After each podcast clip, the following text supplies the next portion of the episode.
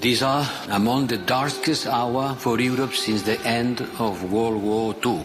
Мы готовы к любому развитию событий. Der er nu krig i Europa.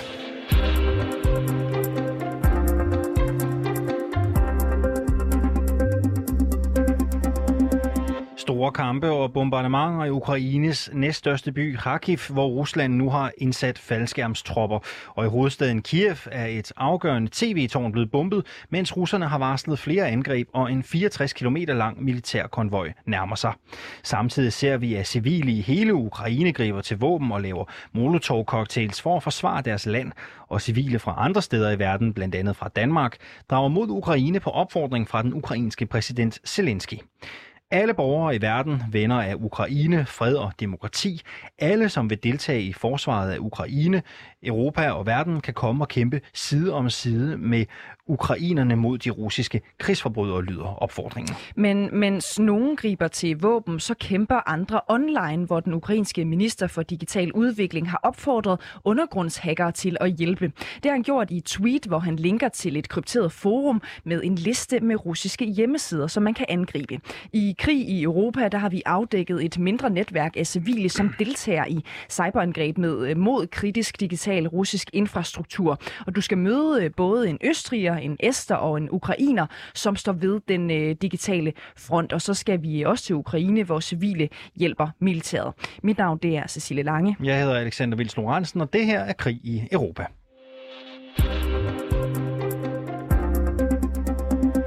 Og vi begynder udsendelsen med at sige godmorgen til dig, Mikkel Storm Jensen. Godmorgen. Major og militærforsker ved Institut for Strategi og Krigsstudier på Forsvarsakademiet. Du forsker blandt andet i cyberkonflikter og cyberstrategi, og derfor er du også helt oplagt at invitere i øh, studiet som vores gennemgående øh, gæst i løbet af den næste øh, time. Og inden vi skal tale med en østrisk cyberaktivist, så skal vi lige vende tilbage til en af de seneste udviklinger i den her krig. Russerne angreb nemlig sent tirsdag aften et 400 meter højt tv-tårn i Kiev og lammede dermed tv-signalet i hovedstaden, hvilket påvirker både ukrainske stats-tv og øh, kommersielle øh, stationer. Det skete efter, at den russiske forsvarsminister kort, kort før advarede om, at man øh, planlagde at ramme mål i hovedstaden for at forhindre informationsangreb mod Rusland. Den øh, ukrainske forsvarsminister mente dog øh, mere, at det handlede om, at russerne vil forhindre dem i at kommunikere med befolkningen. Øhm, jeg vil stille dig øh, spørgsmålet. Er det her et klassisk træk øh, forud for indtagelsen af en by, for eksempel? Der er ikke rigtig nogen klassisk træk ved, øh, ved den her krig. Øh, det kan være en god idé at lukke for kommunikationen. Det kan også være en god idé at lade være med at lukke for kommunikationen. En af de spekulationer, der har været om, hvorfor russerne har ikke gjort mere for at lukke kommunikationen de sidste par dage, har været, at, at øh, russerne har kunne se en fordel i, at, at rygter og panik øh, har kunne brede sig på den ukrainske side. Det er så ikke sket øh, i, i nævneværdigt omfang. I hvert fald ikke, en effekt, øh, ikke i et omfang, så det har haft effekt på kampen. Så det kan lige så godt have stor psykologisk betydning, det her tv-tårn. Det kan man se fra, fra hele Kiev, øh, og, øh, og når det begynder at, at springe bomber øh, omkring det, så er det jo noget, som er hele byen, også dem, der, der ikke bor lige der, hvor der bliver kæmpet, at de kan se, hvad der foregår. Hvis vi sådan kigger rent nøgtern på det, hvad kan fordelene være ved at, at forhindre for eksempel ukrainerne i øh, at kommunikere, øh, hvis vi ser det fra, med ruslandske briller på? Der er den fordel, at, at den ukrainske regering får sværere ved at komme ud med beredskabsmeddelelser til, til befolkningen. Altså for eksempel, øh, flyt jer derhen, eller lad være at flytte jer øh, nogle steder hen, eller øh, gå ud og gøre sådan og sådan. Øh, den slags meddelelse, som jeg har brug for at, at komme med i, øh, i krise eller krig. Øh, undskyld, nu bliver jeg hæklet. Jamen, det er helt okay. Jeg tænker også bare på, øh, hvad er øh, konsekvensen ved, ah. at den information øh, ja, så ikke er der, at de er afskåret på en eller anden måde? De er jo ikke fuldstændig afskåret, og der er andre måder at kommunikere på øh, i vores dage. Det er ikke som i gamle dage, hvor det hele hang på Danmarks Radio og TV. Det, det er mm. jo et eksempel på her. Mm. Det er rigtig meget foregår på nettet, og, øh, og nettet er op at køre i, øh, i Ukraine. Mm. Øh, det gør det bare sværere for, for regeringen at komme øh, igennem med de øh, meddelelser til befolkningen, som, øh, som den gerne vil have. Du nævner også, at der er nogen, som har undret sig over, måske at Rusland ikke har gjort mere for at mm. lukke ned for den her øh, kommunikation. Hvad kan russerne se af fordele ved øh, at bare lade det køre? Jamen det er som sagt, at altså det russerne har satset på, den måde de har angrebet på, øh, hele deres brug af, af deres øh, militærapparat, har jo ikke været øh, sådan klassisk øh, krigsførelse, og heller ikke det, som russerne har, har øvet sig på og blevet rigtig gode til, for eksempel i Syrien. Det, man har prøvet på, det er at lave et, øh, et hurtigt angreb, hvor man har bevæget sig øh, langt og dybt ind i Ukraine øh, med, med lette styrker, som ikke har været øh, samarbejdet ordentligt. Altså vi ser kampvogne, der holder uden infanteri, og infanteri, der holder uden kampvogne, og nu ser vi også nogen, der holder uden, at det er diesel på. Øh, meningen med det har været, at Ukraine skulle gå i panik, at det skulle øh, kollapse, øh, og øh, at øh, man ville kunne få en, en, hurtig, øh, en hurtig afgørelse. Mm. Og det samme, den panik og den øh, øh, angst og, og ja, ballade, der skulle mm. til for at, at opnå det, der er det jo en god idé, at folk kan tale sammen. Jo bedre, mere folk kan tale sammen, jo mere kan, kan rygterne sprede sig, mm. om at nu er russerne her, nu er russerne her, og de kommer alle vejen. Øh, men det er ikke sket, øh, og derfor så er vi lige nu både måske på det kommunikationsmæssige, men også på det, der foregår på landjorden og i luften. Det russiske flyvåben har ikke været op og i gang.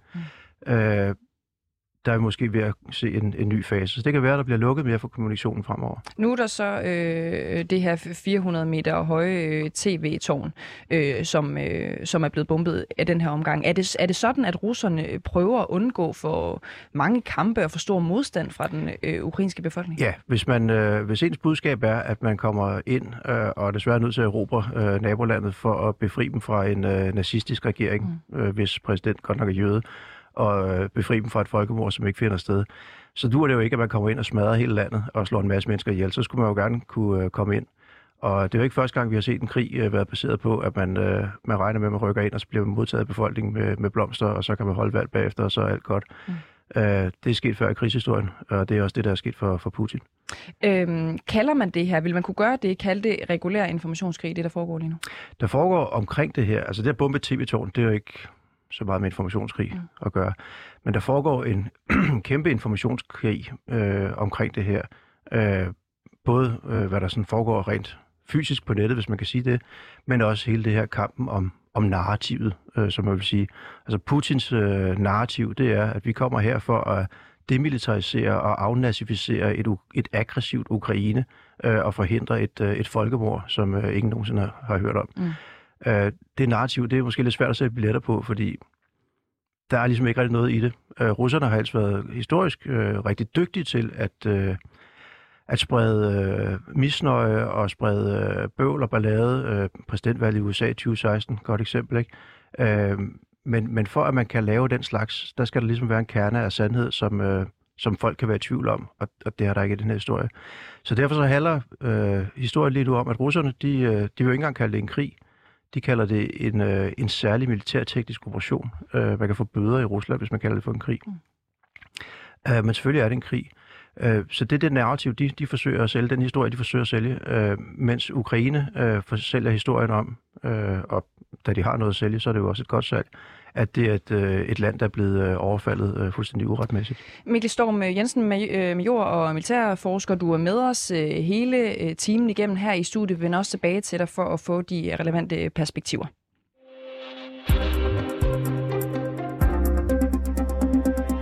Over en kvart million mennesker har på nuværende tidspunkt meldt sig ind i en gruppe, som opfordrer til cyberangreb mod Rusland. Det kan vi fortælle her i morgen i krigsmagasinet Krig i Europa.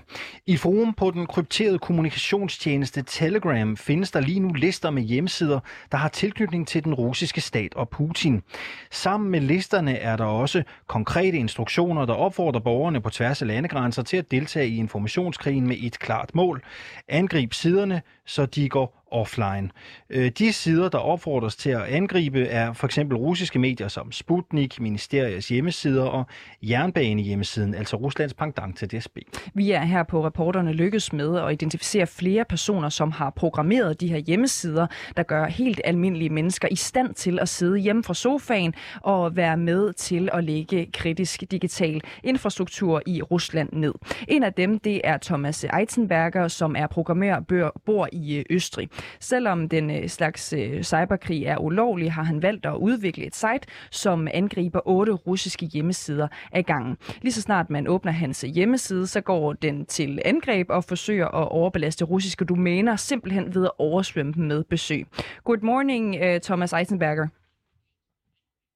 Hello, good morning. Um, first of all, why have you developed a cyber attack website that targets Russian domains? Uh, I could ask why not. um, well, f- first things first. So, so I I uh, modified an already uh, existing script uh, and and put it on on a website so that people who think this uh, war of aggression is is really something that has to stop can do something. Many, many, million people on this planet uh, look look at what's happening in, in the Ukraine and and think this this is completely uh, unacceptable, but don't know what to do. And uh, by going to the website, uh, you contribute to uh, providing load on the Russian servers, uh, and and if if we are a lot and many, uh, we can get them down uh, even even more than they are already under pressure. But Thomas Eisenberger, why did you do it? I mean, you're a programmer and you live in Austria. Why are you engaged in the Russian uh, invasion of Ukraine? Uh, I'm a human being.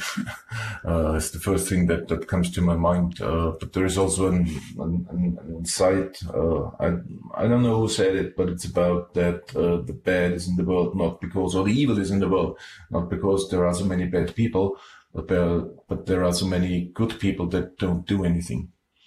And I, I, I mean, who, when, when you see the pictures, uh, who is there out there that says, oh, I don't care?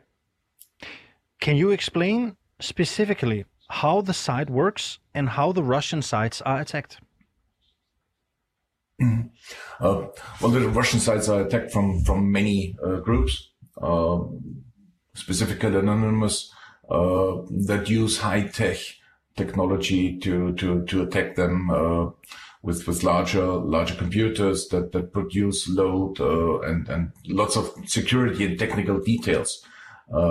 What was missing so far was an option that allows many many people to contribute uh, by, by just downloading the or going to the website and and running the script that is located on that website. Uh, it's it's I mean that's not rocket science. It's completely simple. It's uh, safe in the sense of it can't do anything on your computer besides probably causing your browser to be uh, locked after eight hours because it does so many requests. But basically, you're safe on to run it on your computer. It won't do any harm on your computer. Uh, but I also must say it is in most countries not legal to do that. Uh, now I will ask you a very controversial question.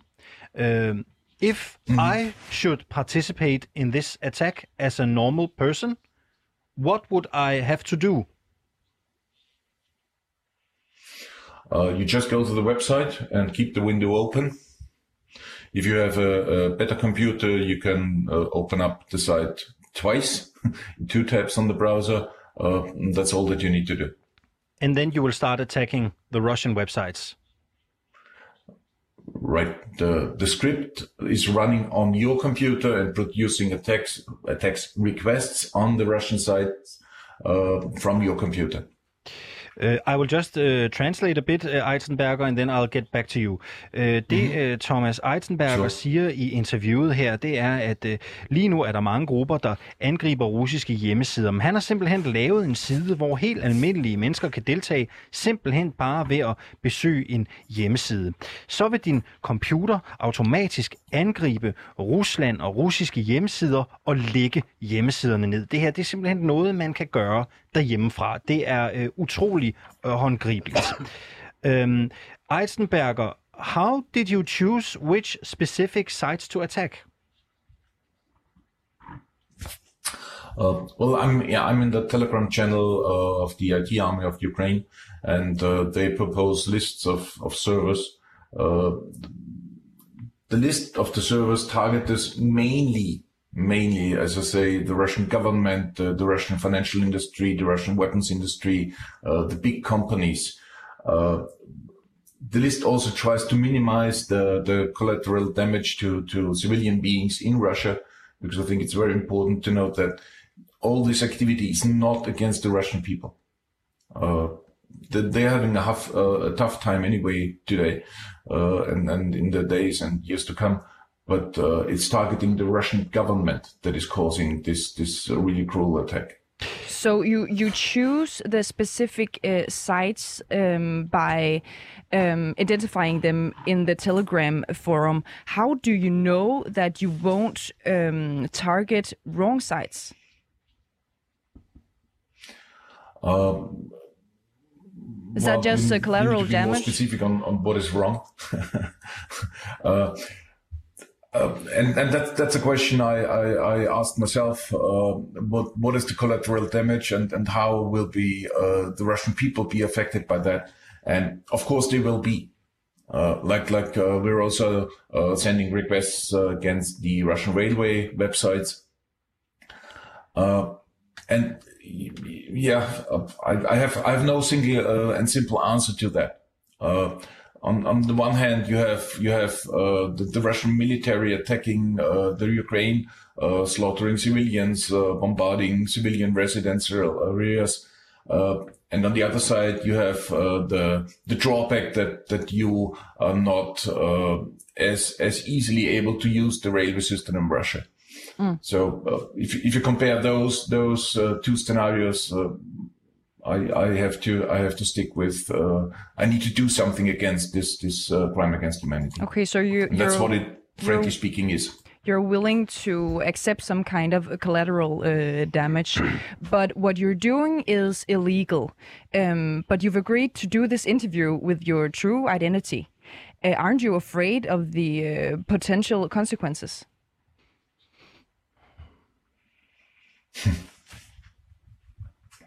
I think I think we we would have come really really uh, far away from being a human being if we think about consequences when there is a crime against humanity happening.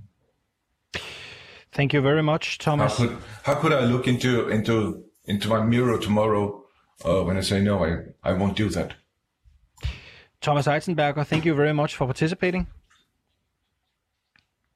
You're welcome. Thanks a lot for having me. Thomas Eitzenberger, som altså er russisk programmør. Han har Østrigske udviklet et programmør, skal østrisk programmør, vigtigt, øh, der har udviklet et site, som folk simpelthen bare skal klikke ind på, og så angriber de automatisk øh, otte russiske hjemmesider på én gang. Lad os lige prøve at opsummere, hvad det er, Eitzenberger han siger i det her interview. Øh, vi spørger ham jo flere gange, hvorfor han gør det, og om øh, han mener, at øh, det, der sker i Ukraine, legitimerer hans ulovlighed. Han siger, hvis man sammenligner drabet på civile i Ukraine med, at folk i Rusland ikke kan komme på jernbanens hjemmeside, så er det ikke noget problem for ham, at russerne har det lidt svært. Han siger også, jeg kan ikke se mig selv i spejlet i morgen, hvis jeg ikke gør noget. Vi skal sige, at det her DDoS, det er ulovligt. Øh, det er også derfor, vi nævner ikke, hvilken hjemmeside man kan gå ind på. Vi kender til eksistensen på redaktionen, men vi siger det selvfølgelig ikke. Øh, Mikkel Storm Jensen, øh, du er major og militær forsker ved Institut for Strategi og Krigsstudier. Du er stadigvæk med. Du er ekspert i cyberwarfare. Vi hører fra Thomas Eisenberger her, hvordan han har opbygget et site, som automatisk angriber russiske domæner.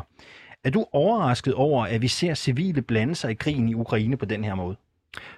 Nej, det er jeg ikke. Øh, hvis man skal drage en historisk parallel, så er det jo lidt ligesom øh, de Spaniens frivillige i 30'erne, eller dem, der tog til, til Finland i 1939 for at hjælpe finnerne med at slås med, da russerne havde, da Sovjetunionen havde angrebet Finland der. Så det er, ikke, det er der ikke noget mærkeligt i. Dengang var, var der bare ikke internetforbindelse, kan man Dengang sige. var der ikke noget internet, men øh, en, øh, en parallel til den her situation, det er faktisk det, det russiske, øh, de meget omfattende russiske cyberangreb på Estland i 2007, hvor, øh, hvor russerne faktisk gik ud og opfordrede øh, det, de kaldte aktive patrioter øh, til at, øh, at vise deres utilfredshed med, øh, med den estiske regerings flytning af en, øh, af en statue øh, fra russisk øh, krigskirkegård. Øh, og, og det var netop den her type angreb, hvor almindelige mennesker øh, fik øh, stukket de, øh, de, de midler i hånden, der skulle til for at, at angribe i det her tilfælde de estiske øh, øh, regerings øh, øh, sider og banker og, øh, og aviser osv. Helt kort, inden vi lige sådan går rigtig meget i dybden med, med, øh, med den her øh, teknik. Øh, kan du ikke lige give os dit bud på, hvor store konsekvenser sådan et øh, angreb her øh, rent faktisk kan have? Det kommer, det, kommer, ja, det kommer an på, hvad de angriber og hvad de, øh, og, og, og hvad de lægger ned. Altså hvis de kan, det er klart, at hvis de kan stoppe jernbanerne, øh, så, er det, så er det mere væsentligt, end hvis de, øh, end hvis de kan, kan sætte et billede af, af, af, Putin i bare røv op mm. på, øh, på Kremls hjemmeside. Mm. Øh, men igen, nu talte vi før om kampen om narrativet, og det her er måske lige så stort en høj grad en historie om, at, at folk fra, fra hele verden melder sig frivilligt under fanerne øh, på Ukraines side. Øh, den effekt er nok større end den øh, end militære effekt øh, på jorden. Mm. Øhm, Kevin Sikir, du er kommet i øh, studiet øh, nu. Du er vores reporter her på, på øh, reporteren på 24 Du har gravet dig ned i det kaninhul, som vi taler om i dag med hjemmesider og fora, som opfordrer, instruerer og udfører de her cyberangreb på russisk øh, digital infrastruktur. Allerførst, øh, Thomas Eitzenberger var kort inde på det, men prøv lige at forklare os, øh, ret pædagogisk skal vi bede om, hvordan sådan et site som østriske Thomas øh, fungerer, altså det han har skabt, hvordan overbelaster man mere konkret en russisk hjemmeside?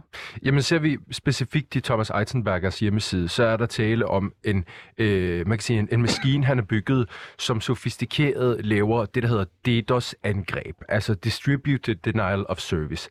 I bund og grund kunne man sige, at når du kommer ind, så udløser du en knap, som sætter gang i et angreb, Altså at man sender en masse forspørgseler ind til den her hjemmeside. Hver gang du går ind på en hjemmeside eller på din Facebook, så sender du en forspørgsel om at få adgang. Øhm, og hvis vi kunne prøve at sammenligne noget, der ikke var et ment angreb, så kunne vi jo kigge på alle de coronapressemøder, der har været, hvor statsministeren opfordrer befolkningen til alle sammen at gå ind og booke en PCR-testtid. Det, der så sker, det er, at når 100.000 vis af personer går ind på sundhed.dk, så overbelaster de hjemmesiden. Ja, det kan enten, jeg da huske. Så ja, crasher det, ikke? Ja, ja, men enten så det bliver mere langsomt, og man giver op med at prøve at booke sin tid, eller gøre det, man nu skal på hjemmesiden, eller at der er så mange mennesker, at siden simpelthen crasher. Så her har vi så øh, nogen, der har opbygget en maskine med hensigt om at gøre hjemmesider mere langsomme, eller crashe fuldstændig. Og det kan jo så lede til, at de her sider, de er nede enten i et par timer, i en eller flere dage, eller flere uger. Og det kommer helt an på, hvad for nogle sikkerhedssystemer man har opbygget øh, på de her øh, hjemmesider, men selvfølgelig også, hvor mange mennesker der så sender de her forspørgseler, der kan få dem til at crashe. Mm. Øhm, du har talt med en anden cyberaktivist, også faktisk. Det er softwareudvikleren Artam øh, Tamoyan. Han er faktisk russer, men bor i dag i Estland. Han forlod sit land efter flere års øh, cyberaktivisme mod Putin netop og den russiske øh, regering, det russiske regime. Og øh, ligesom Thomas Eisenberger, så har øh, Artem øh, Tamoyan bygget en øh, hjemmeside, hvor hvem som helst kan udføre cyberangreb på russiske hjemmesider. Man skal bare have en internetforbindelse, og så skal man trykke på sådan stor rød øh, knap på skærmen. Jeg har selv set den, så jeg ved, det er rigtigt nok. Øh, hvor der altså står meget øh, sine attack. Trykkede du på den? Nej, det gjorde jeg ikke. Okay. Øh, fordi det, det er jo faktisk ulovligt, mm. øh, så, så det ja. gjorde jeg ikke. Øh, men lad os lige prøve at høre fra øh, Artem her. I started to think what I can do in order to help. And in order to help, obviously I could um, I don't know, I could uh, try to do attacks myself and with my, my power, maybe buy some uh, servers, servers to make attacks on governmental websites, but it's not efficient and it's not scalable enough.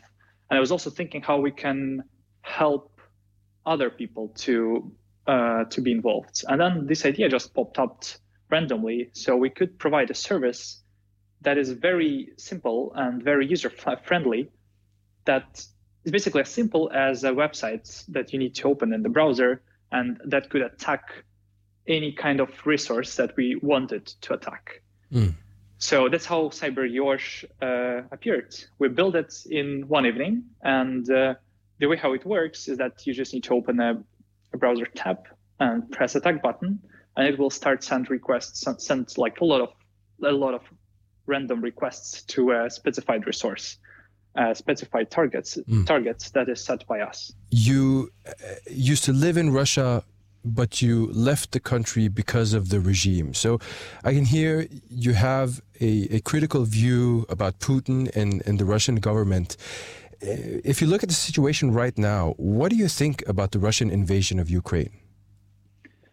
Uh, this is something that no one could imagine. A couple of days ago, uh, every political science uh, researcher, every activist would say that Putin is playing games with the West, trying to you know get some uh, nice position before negotiations and so on.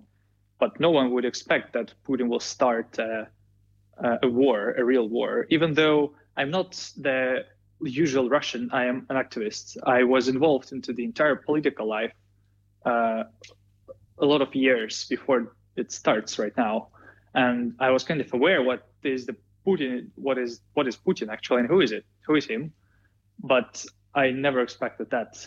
The targets I can see on the website is sites that are tied to the government or bigger corporations, uh, pro-Russian media. But when someone presses attack, they don't only hit the Russian government. I mean, it complicates also the lives for Russian civilians. So, what are your thoughts about that? When we talk about that, people are complaining that uh, Russian electronic um, electronic government websites are down. They cannot, I don't know, pay taxes or uh, go to doctor. Uh, I would usually like to remind them that innocent people at the same moment are hiding in bunkers or in basements of their houses and praying to not be hit by a Putin's rocket. So a couple of websites not working is not the biggest issue comparing to what is happening right now in Ukraine. Mm. The second point is that those people voted for Putin. I was an observer on the elections of 2018 on the election point, and I left an election point for a couple of minutes and I counted every person who came in and came out in the election points. And I saw all those votes myself. There were no fraud at my election point. And the result was 65% for Putin. These people really voted for him. A lot of people are supporting this. So, in this sense, it's not like dictatorship in Russia, it's rather autocracy. Uh, Russian polit- politics would call it information autocracy. Mm. So people do not want to open their eyes and do not want to look at the truth. They want to listen to propaganda. We need to stop propaganda. They don't want to pay attention to what's going on. We need to make them pay attention to what's mm. going on. We need to make this uh, Russian nation, and I am talking like that as a Russian citizen and still a Russian passport holder. We need to, you know, shake the entire nation and wake them up and say, will you look at what's going on and will you do something or keep staying like away and pretending that it's fine? Ja, så lød det her fra Artem uh, Tamoyan, russisk, øh, undskyld, øh, jo, russisk rent faktisk softwareudvikler, øh, nu øh, bosiddende i Estland, som har lavet en øh, cyberangrebs hjemmeside, som angriber kritisk digital infrastruktur i Rusland. Vi kan jo høre her, Kevin Sikir, at der er flere af de her sites. Øh, hvordan bliver de her cyberangreb rent faktisk organiseret? Øhm, jamen, der er tale om et decentraliseret samarbejde. Der er individer, der er mindre grupperinger, der er løst sammenhængende netværk, øh, uden en klar struktur, uden et klart hierarki. Det er ikke en organisation, hvor der er en valgt formand, øh, eller en bestyrelse, eller noget, som, som er sammenhængende på den måde. Øh, men der er en form for øh, et samlingssted, en øh, ukrainsk cyberherregruppe øh, inde på den krypterede tjeneste Telegram, som I har været inde på, altså hvor at digitaliseringsministeren i Ukraine også har opfordret øh, almindelige mennesker, både i Ukraine og rundt omkring i verden, til at melde sig ind, hvor der altså er de her lister øh, med, hvad for nogle opgaver der er, hvad for nogle hjemmesider man vil have nede. Men der er sådan set også chats, som jo øh, den var igennem vil nogen mene kunne demokratisere arbejdet, altså at alle kan gå ind og bidrage og sige, jeg har bygget den her øh, maskine, prøv lige at bruge den, jeg har mm. gjort sådan her, prøv lige at bruge den. Og nu har vi jo været igennem øh, øh Artem Tamoyan, vi har også hørt øh, øh, Thomas nede fra Østrig, og det er jo den vej igennem, de to har mødt hinanden. Men de har faktisk mødt en tredje person, øh, som er ham, vi kalder for Ivan i dag, som sidder i Kiev, øh, som jo var lidt nysgerrig på, hvordan man kunne sammensætte alle de her øh, ressourcer, der var. Fordi noget, der har været efterspurgt inde i den her øh, cyber øh, her inde på Telegram, det har været, hvordan går det egentlig, når vi laver vores cyberangreb? Er siderne oppe, er siderne nede? Øh, hvor skal vi kigge hen, hvis vi vil bidrage, men ikke har noget teknisk viden? Og der har han så lavet et monitoreringssite, simpelthen hvor de forskellige hjemmesideadresser, der taler om 150 hjemmesider, mm. er farvekoordineret. Er de grønne, så er de oppe. Er de røde, så er de nede. Og så står der links til øh, Thomas' øh, og øh, Artems sites, så man den vej igennem live kan gå ind og angribe og så følge med. Skal vi ikke høre et klip her med, med Ivan, som jeg har talt med? I think Russian people just don't know what's happening in Ukraine. Uh, Putin playing in his games, such strange games, but uh, uh, usual people, uh, simple people, don't know uh, what's happening in Ukraine. They just thinking that uh, we are have war with with us. So what is what is like the bigger goal of the website, if that makes sense? people can um, I don't know how to say it. It's fine. People will feel it in any way. It will uh, government will feel it because uh, course of um, ruble will go down, and any people will uh, feel it. So ordinary people in Russia uh, will also Yeah. feel the consequences of this work. and uh, not uh, only Russia, uh, Belarus too. Right now, your website displays the status of different Russian websites who are target to to, uh, to cyber attacks, but you're planning on updating and developing the site and leak information. What kinds of information will your website publish? Um, now I'm working on uh, publishing the, on this website the telephone numbers of companies and of uh, heads of companies, uh, leaked uh, bank databases uh, which contains um, um, Sberbank cards with all codes and answers, uh, and uh, leaked phone numbers of heads and organizations and pro-Russian figures and uh, API for developers so they can take uh, uh, sites and site statuses from uh, my site. So basically, when you're leaking information about companies, organizations, leaders, and individuals, are you doing it randomly toward uh, different Russians, or is it Russians that have connections to Putin and his government? Yeah, it all starts from the government.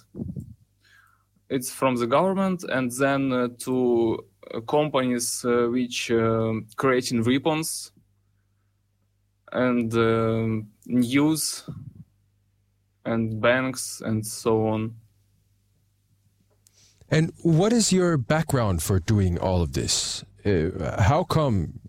I mean, it's not every person that can sit and leak this kind of information, get a hold of this information, or produce a website that monitors this. So, what is your background into being engaged in this cyber warfare with the Russians? Yeah, I'm just a programmer. I have experience in developing, and uh, in uh, one time I just understood that I can uh, I can help in this war.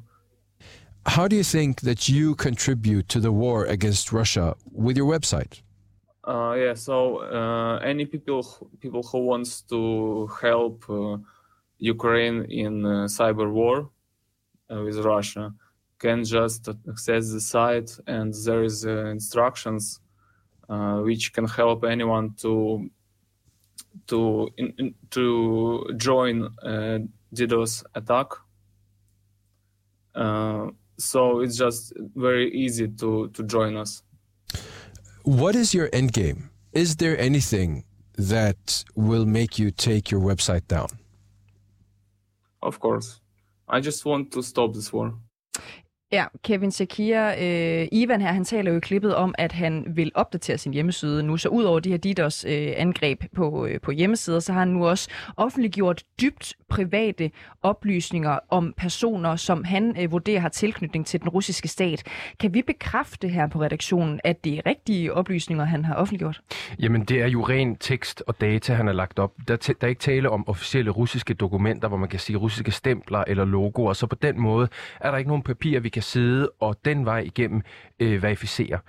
Til gengæld, så er der jo nogle af de her oplysninger, som øh, kontaktoplysninger på de her mennesker, deres e-mails, som er øh, sådan nogle .gov.ru, altså regeringsmails, mm. som jo er åbne og, og offentligt tilgængeligt. Så på mange måder, så er der noget af indholdet, som er open source baseret, som man har fundet offentligt på nettet, og som man bare har samlet med det formål, at folk jo skal bruge dem på den ene eller den anden måde. Men der er også kommet endnu et læk, som er også blevet dækket i den ukrainske avis Pravda her over natten. Øh, altså private oplysninger på 120.000 russiske soldater. Øh, simpelthen deres navne, hvem de er, øh, og, og kendskab til dem. Øh, så det er jo noget, som vi ser øh, i, i være en del som et våben af denne her øh, krig, som han samler og offentliggør. Øh, og så skal det jo siges, bare for en god ordens skyld, vi er bekendte med Ivans rigtige identitet her mm. på redaktionen. Vi har verificeret, at han er, han er rigtig nok. Øhm, og har jo også lavet en stikprøve på noget af de her oplysninger, som jo peger retning af rigtige mennesker, rigtige steder, øh, som er dem, han taler om. Ja, så vi har ingen grund til at øh, tro, at de her oplysninger ikke skulle være øh, korrekte. Tak for din tid, Kim Tekir, reporter her på øh, 24 Selv tak. Mikkel Storm Jensen, major og militærforsker ved Forsvarsakademiet. Du er selvfølgelig stadigvæk med os her i øh, studiet. Vi hører og kan se inde på øh, Ivan, som vi kalder ham, øh, hans hjemmeside, at han har offentliggjort personlige oplysninger på personer, som arbejder i den russiske stat og ledende skikkelser i forretningsverdenen, som han mener er forbundet til det russiske regime. Hvad kan den her slags oplysninger, som, som Ivan han deler, hvad kan det bruges til? Det kunne for eksempel bruges til, at der var en masse vrede mennesker, som skrev til de her sendt mails til dem. Mm. Og hvad har det af konsekvenser? Det, har, det bringer jo livet ind. Altså, det, det, når man sidder ved sit skrivebord i, uh, i Moskva, uh, som måske ikke er direkte, direkte involveret i krigen, men som pludselig får 200 vrede e-mails, så, så, så, så, bliver man, så bliver det bragt hjem på en anden måde.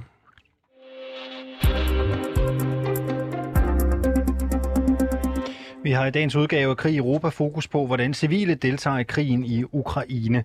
Og cyberangreb er øh, kun en måde, hvorpå civile, både ukrainske og udenlandske, lige nu hjælper Ukraine med at bekæmpe den russiske invasion. Flere folk fra Danmark tager for eksempel i disse dage turen mod krigen i Ukraine for fysisk at bakke op om ukrainerne. Og som den danske statsminister siger, så er der ikke noget juridisk til hænder for, at man tager til Ukraine og bidrager på ukrainsk side. Taras Pokotilo er ukrainer, men har i to år boet i Kjellerup ved Silkeborg, hvor han til dagligt arbejder i en svineproduktion. Og han har taget køreturen på knap 1600 km for nu at kunne hjælpe ukrainerne herunder det ukrainske militær. Good morning, Taras Pokotilo. Good morning. You're with us uh, from Lviv in Ukraine. You have decided to go into a country that's under attack. Why? Uh, I decided to go to my country under attack because, uh, uh you know, my, my country needs helping. And uh, I know that uh, many Ukrainian people go outside when start war. And we need help. we need help uh, we need people. We need we need weapons. You know, we need guns. Uh, I have a family in uh, in uh, Ukraine. You know, and all, I have fa- father, mother, and my sister, and uh, I I feel I feeling that I must I must go and protect them because we have now so dangerous situation. Uh, Russian military occup- occupied too much too much part territory of Ukraine and uh, now uh, now so dangerous situation they uh, they shooting to uh, not military people they they shooting to uh, every uh, house near borders ukrainian from belarus and russia they destroyed too many house school hospital they, they, for them it doesn't matter is this military people of not military they destroy everything. Putin uh, say to uh, military power, they must uh, uh shoot every people uh, they, uh, who they can see, you know. And uh, Tars, try and tell us how are you exactly helping in Ukraine? What is it you're doing? What is your job? My job is organizing, helping for people. I I organize and help from other country like collect some uh, clothes, some, some uh, protect for body, uh, protect for you know for, for on the head. Also pills. We need too much pills. We need pills from from stop blood. Also, like I, I decided that I can make more. Uh, I can more happen to our military than I can make this job uh, like organized because I know English and uh, for me it's much easy speak with uh, people from other country. So what you're saying here is that you're not a part of the military and you don't carry a gun yourself. Do you feel safe? Uh, yes, yes. Uh, now, now in uh, my city, uh, not have uh, shoot, not have bombs, some you know, not have Russian military. Of course, uh, I feel now safe. But I I wanna make this job only a short time. After after when I help, I wanna go to military. Mhm. Uh, what do you do if the Russian military gets into Lviv? Of course, I, I go and uh, I take some weapons, uh, guns, and and go and shoot them. I will ask you one more time. Are you willing to kill Russian soldiers if they go into Lviv? Yes, yes, yes, yes. Yeah? Of course, of course. Yes. Do you know how to handle a weapon? Yeah, yeah, yeah. Yeah. Uh, when I when I teach in the school, I I have some uh, uh, lessons uh, how we can use it, uh, some guns, and I know that in also we have this uh, in every city we we have like territorial protecting organization. And also yesterday I speak with my friend. Now he in this organization, and I tell him that I wanna register it in this organization. And after uh, they give me some guns, and I go to to fighting. Do you know what kind of weapon you would get? Is it an AK-47?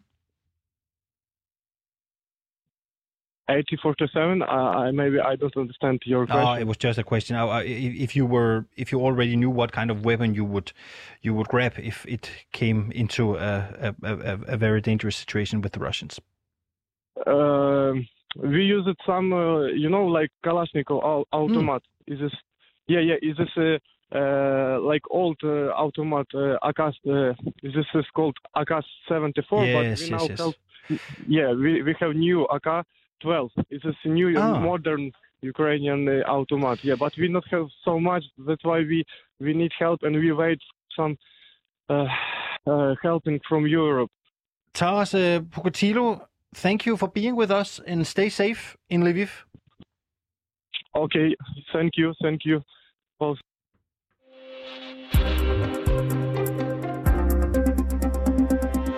Avispapir og brugte stofstykker bliver revet i stykker. Hvide flamingokugler bliver smidt i glasflasker, der er tømt for øl og sodavand, men i stedet indeholder brandbart væske. Ganske almindelige ukrainer de sidder i de her dage på gader og stræder rundt omkring i Ukraine og forbereder sig på kampe med det russiske militær. Det ukrainske forsvar har opfordret ukrainske borgere til at lave molotov-cocktails, og lige nu florerer der enormt mange billeder og videoer af ukrainere, som gør netop det, altså laver og bruger de her våben. Claus Reinhold øh, dansk journalist i Ukraine, du er med fra Lviv. øh. Øh, Godmorgen til dig. Godmorgen. Godmorgen, Claus, altså dansk journalist i Ukraine. Du har talt med ukrainere, ved jeg, som laver de her Molotov-cocktails, som vi taler om her til morgen. Forklar lige, hvad er deres plan med de her våben? Deres plan er at, at kunne forsvare deres, øh, deres by, hvis det skulle komme så, øh, så vidt, at øh, russiske kampvogne de, de rykker ind i de forskellige byer. Jeg har en kollega i Kiev, Rasmus Tandholt, som, som også har været ude og tale med lokale ukrainer, som også har produceret de her Molotov-cocktails. I går var jeg også ude med min fotograf og, og tale med nogle af de lokale, som, som producerer de her øh, flasker, hvor man hælder benzin i, og så et, en stofklud i halsen, og så er man så klar til at sætte ild til den, og så kaste det mod eventuelt en, en, øh, en, en russisk kampvogn. Men derudover så foregår der også rigtig mange andre ting i byen. Der bliver lavet øh, energibarer, som man sælger, sender ud til, øh, til frontlinjen, til soldaterne. Man øh, i Odessa, der er man ved at, og, øh, at sørge for, at der ikke kan lande øh, øh hvad hedder det, russiske Øh, skibe på stranden. Man har simpelthen lagt masser af sandsække ud rundt omkring i byen her, hvor jeg er i Lviv. Der er indfaldsvejene, der har man lavet, lavet afspærring og så videre. Så der foregår en masse ting. Jeg har kontakt med en mand her på hotellet, hvor jeg også bor. Han er flygtet fra Kharkiv ud fra det vestlige Ukraine. Han, øh, han er i gang med at støvsuge nærmest alle apoteker i byen her for medicin, som han så igen vil køre tilbage til Kharkiv med, for det er derude kampene de er allerhårdest. Så der er sådan en samhørighed blandt ukrainerne, kan jeg føle, men samtidig så er der også en nervøsitet. Nervøsitet og samhørighed, og, og vi har jo set, at der også florerer videoer fra Ukraine, hvor civile øh, ukrainer simpelthen får russerne til at vende om i deres øh, militære køretøjer. Øh, hvor stærk oplever du den her lyst fra civile til på egen hånd at bekæmpe russerne? Helt enormt. Der er en, øh, en, en ukrainsk øh, folkesjæl, som, øh, som jeg ikke har set mage til. Jeg har dækket krige rundt omkring i verden, i Syrien og Irak osv., og, og ikke, ikke dermed sagt, at man heller ikke har en folkesjæl der og en, og en samhørighed. Men, men jeg må bare sige, at her der er simpelthen en, en stolthed over at være Ukraine, ukrainer og prøve på at beskytte sit land og prøve på også at sige til den her invaderende russisk her, at prøv, I skal simpelthen ikke komme og blande jer i vores interne forhold vi har valgt den vej, vi gerne vil, og det er altså mod Vesten. Igen, det der med, at Putin han siger, at han er ude på at befri det ukrainske folk fra en nynazist og en narkoman, og her hentyder han jo til øh, øh den ukrainske præsident Zelensky, som i øvrigt selv er jøde. Øh, det, det, Ukraine, de giver ikke meget for det. De har taget deres valg, og det er simpelthen ikke at kigge mod Moskva, men derimod kigge mod Vesten. Mm. Handler den her patriotisme og sammenholdet, handler det også om, at de ukrainske borgere, de tror på, at de kan bekæmpe russerne, eller i hvert fald som minimum holde dem på afstand?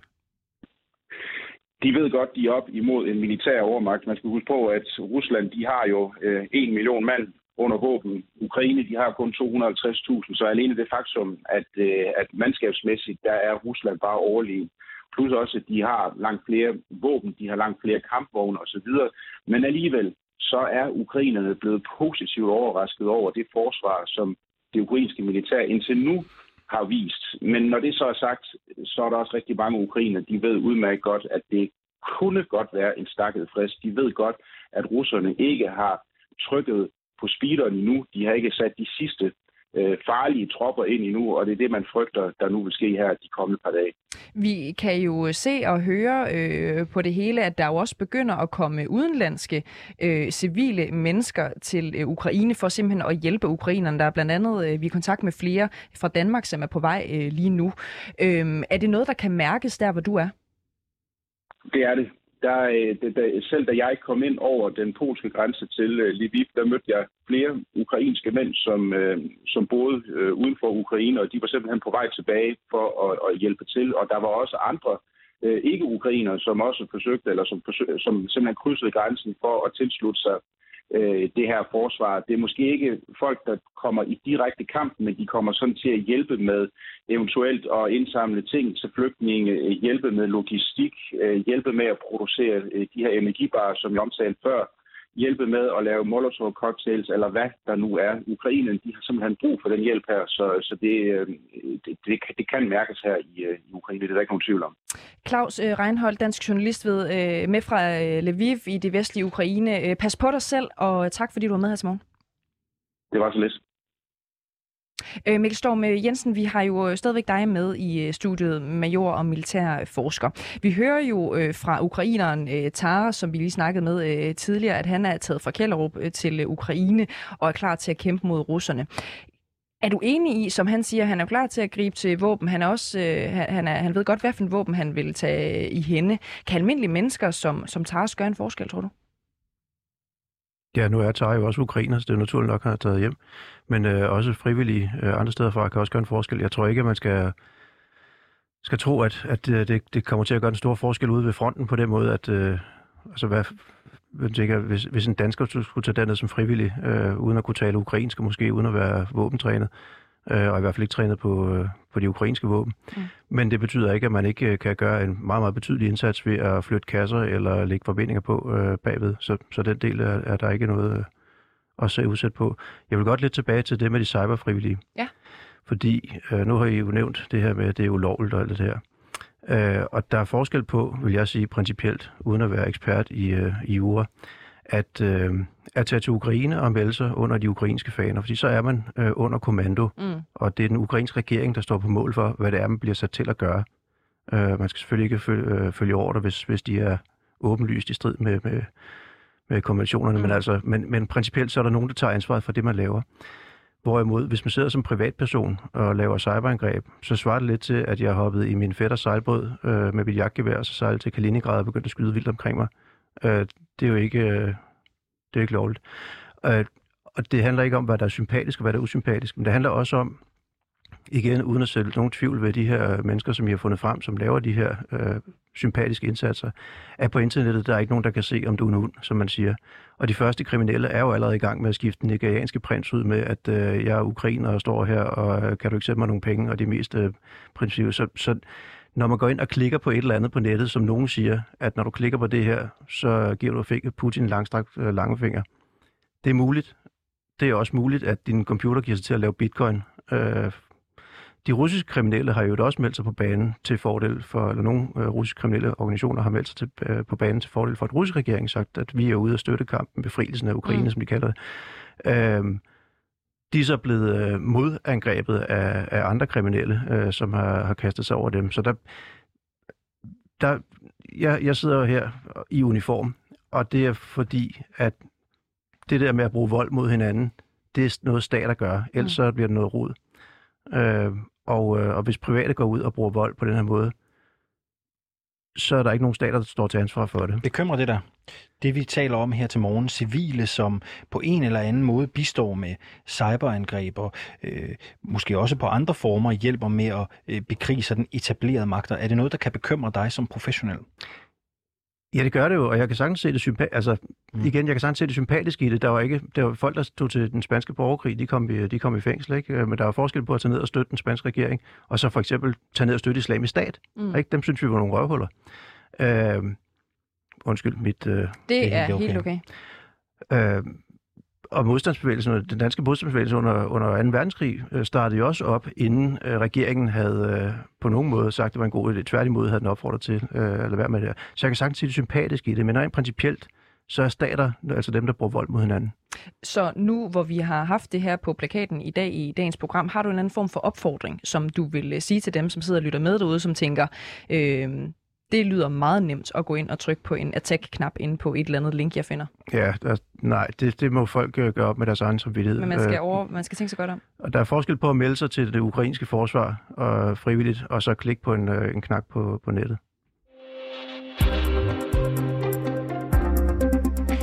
Mikkel Storm Jensen, major og militærforsker ved Institut for Strategi og Krigsstudier på Forsvarsakademiet. Vi har cirka et lille minuts tid tilbage.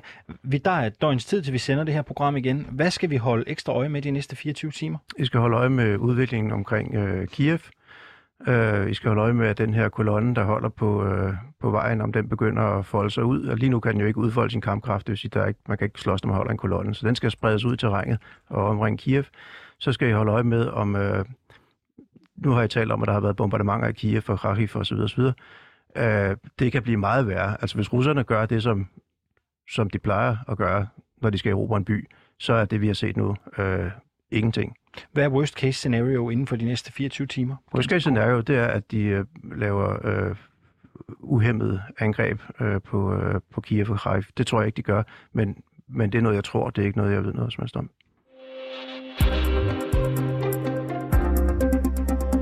Du har lyttet til Krig i Europa på 24-7.